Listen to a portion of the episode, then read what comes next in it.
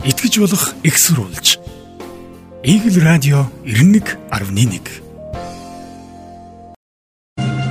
Үндэсний томсдгуулийн онцлог нийтлэлээс хазгай гიშгэх эрхгүй Монгол цэргийн журам. 101 жилийнх журам 100 жилийнх 400 орчим хүнтэй бүрэлдэн бий болсон ардын журам цэргийн 100 жилээ энэ өдрүүдэд тохиож байна. Гэтэл бид журам цэргийг үүсгэн байгуулагч Жанжин Сүхбаатарын өвхлийн талаар баримт тавин таамагт хөтийхэн суун. Харамсалтай нь өнгөрсөн 100 жилийн хугацааны ирээвэр хуравар баримтыг хараад үзэх үед инх цагт дайнаас дутхааргүй цэрэг эрс эндэж байгаа баримт харагдана. Зөвхөн 1937 оны 8 дугаар сараас 38 оны 1 дугаар сарын хооронд болсон их хилмигдүүлэлтийн сүудэрт 180 ардын цэргийн дарга нарыг алджээ. Гэтэл халах голын дайнд 274 хүн амир өгсөн тоо дурайх. Дайсан Баатар хамаагүй эцсийн дүндээ бүгд л алуулжээ. Дүрм журам ийм л байж Эх орон газар шороо эрх чөлөөний төлөөх тэмцлийн түүхэнд унаж босож алдаж онож явсан удааг тоолж баршгүй. 100 100 дамнуулах санах сэхэрх ёстой баатруудын гоник тэрнээ бахархан басгүй сургамжит гашуун түүхвэл Монгол цэргийн түүх гэлтэй. Инх цагт эмгэнэхгүй. Цэргийн албанд мордоод эрх хүн болоод ирнэ гэд их эцэгтэн эргэж ирээгүй залуусын тоог доорх баримт бүрэн дүрэн нотлохгүйч сүүлийн 3 жилийн хугацаанд хэвлэлээр гарсан баримт юм. Энэ 3 жилийн хугацаанд хамгийн их цэрэг алдсан тохиолдол 2019 онд гарсан бөгөөд тухайн үед Батлангамбаалахын сайд байсан Немагийн их болд хэвлэлийнхэнд зоддог дарамтлагдаг асуудал байна гэж өөрөө хэллээ. Тим баримт байвал бидэнд өгөөрэй. Тим юм байх ёсгүй гэж сэтгүүлчдийг дарамтлах маягтай зүгтаад өнгөрч байсан. Тэр буруугүйч түүний үйлдэл нь цэргийн албанд мордох хүүтэй хин хүнд занл хийлэл шиг сонсогдсон. Хүүгээ алдсан хүний завланг хүүгээ алдсан хүн л ойлгоно. Гэвч хүн ёсоор уучлал гуйдгүй төрийн өмнөөс дараах 10 баримтыг туршлан бид энэ хүчтэй.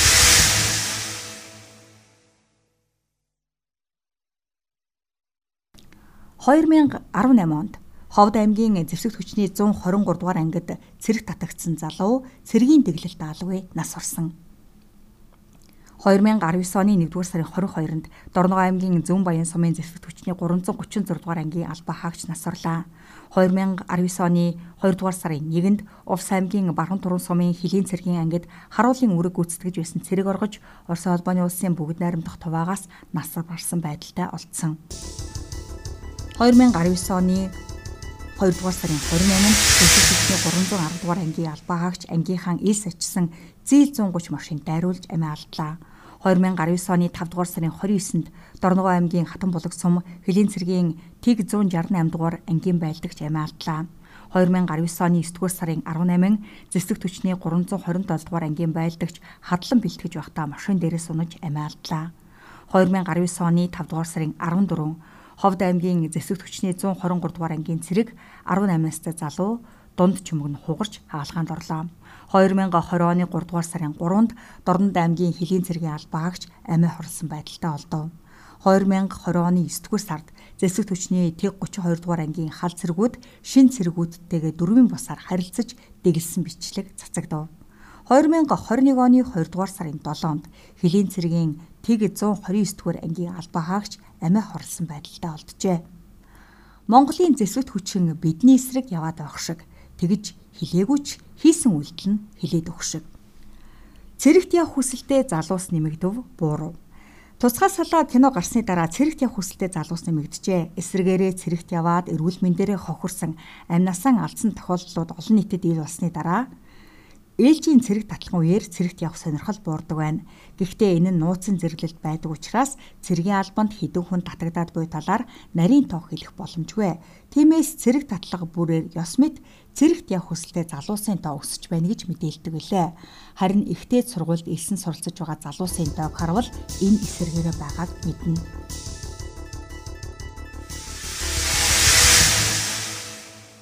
Хүмүүжил хийгээд дэг Бид хүмүүнлэг нийгмийг сонгосон. Бүх зүйл өөрчлөгдсөн, өөрчлөгдөөгүй ч өөрчлөхийг зорж яваа. Ядаж ил өнөөдөр бий болгож чадаагүй ч хүнлэг инэрэнгүү нийгмийн төлөө хүмүүжлийн арга барилаас хүртэл татгалзсан байв. Хаяахан гар хүрдэг хуучны хүмүүжлийн арга барил өнөөдөр ул болсон ч зарим талаар зул хэвээрээ байгааг нь тод илэрлэл нь зэвсэгт хүчнийг удирдан чиглүүлж байгаа хүмүүсийн ярианаас илт харагдана.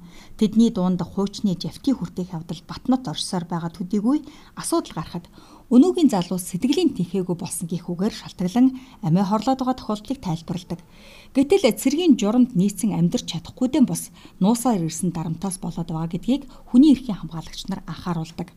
Эрэгтэй хүүхдийг хүмүүжүүлэх бидний арга барилыг эргээд нэг харах гээд үзье байнга зааж сургаж байгаагүй ч хаа нэгтээ хэлэх хатуу зөвлөн үгс нь амьдралын чих шугам бас ухаарлаа байдаг уул мэт нөөлөг, уужим саруул, холч мэрэгэн бодол, халан гаднаа хайрн дотроо ухаан энэ бүхэн Монгол эр хүний шинжгэлтэй. Гэтэл бидний чиг хандлага өөрчлөгдөх хэрээр Монгол эр хүн, Монгол цэрэг өөрчлөгдөх ёстой. Өнөөдөр дэг журмаас илүүтэй өрсөлдөх, багаар ажиллах чадвар төвчээрийг залуус суулгах нь айран байх ёстой. Үүнийгээ дэг нэртэй яргалалтаа эндүрээд байгаа цагт бид зөв бусаар залуусаа алддаггүй юма гэхэд эрэмдэг зэрэмдэг болгосоор байна. Тиймээс хамгийн түрүүнд хандлага өөрчлөх цаг болжээ. Цэрэг сэтгэл зүйчээс гадна хуучны улс төрийн орлогчийн оронд хүний эрхийн хамгаалагчийн оронтоо зөв ёсоор өгүүлэгдэж байна. Цэргийн жавха жагсаалтаа байж болох ч Аливаа улсын сүр хүч цэрэгтэй цэргийн сүр жагсаалтаа гэдгсэн Монгол цэрэг эрс гайхамшигыг бүтээсэн юм. Өрн далайн уснаас ундаалсан морд нь дорн далаад цангаагаа тайлж байлаа. Тэдний өмнө торох тороо нь үүл уул даваа өтгөн ширэнг тайг байлаа. Тэд эзнийхээ сургаснчлан хүнийг эзлэх хിവээс биеийг бос сэтгэлийг нь эзлэх хэмээгээд зүрх зоргоон чангатгаж байлаа. Энэ бол бидний өнгөрснөөс үлсэн бахархал. Асуудал гарахаар Монгол залуучуудын өвчлөл өндөр байна гэх юм уу? Эсвэл бэбэлдар муу байгаатай тайлбарлаад баймааргүй байна. Тийм биш гэдгийг эхийг сахиулах ажиллагаанд оролцож байгаа жишээ нь нотлоод өгнө.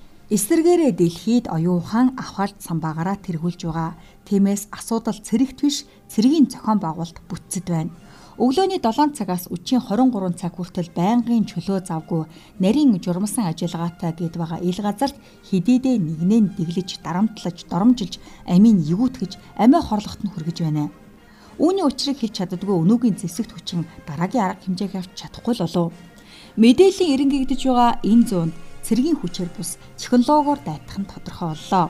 Галт зэвсгэр тулдахтаа хүртэл дороо нь ашиглаад эхэлчихлээ. Гэтэл Монгол цэрэг дэглүүлсэн, доромжлуулсан өнөөгийн хүүхдүүдийн хөх нийтэнд хүрэхээр технологийн мэдлэгтэй халагдаж байна.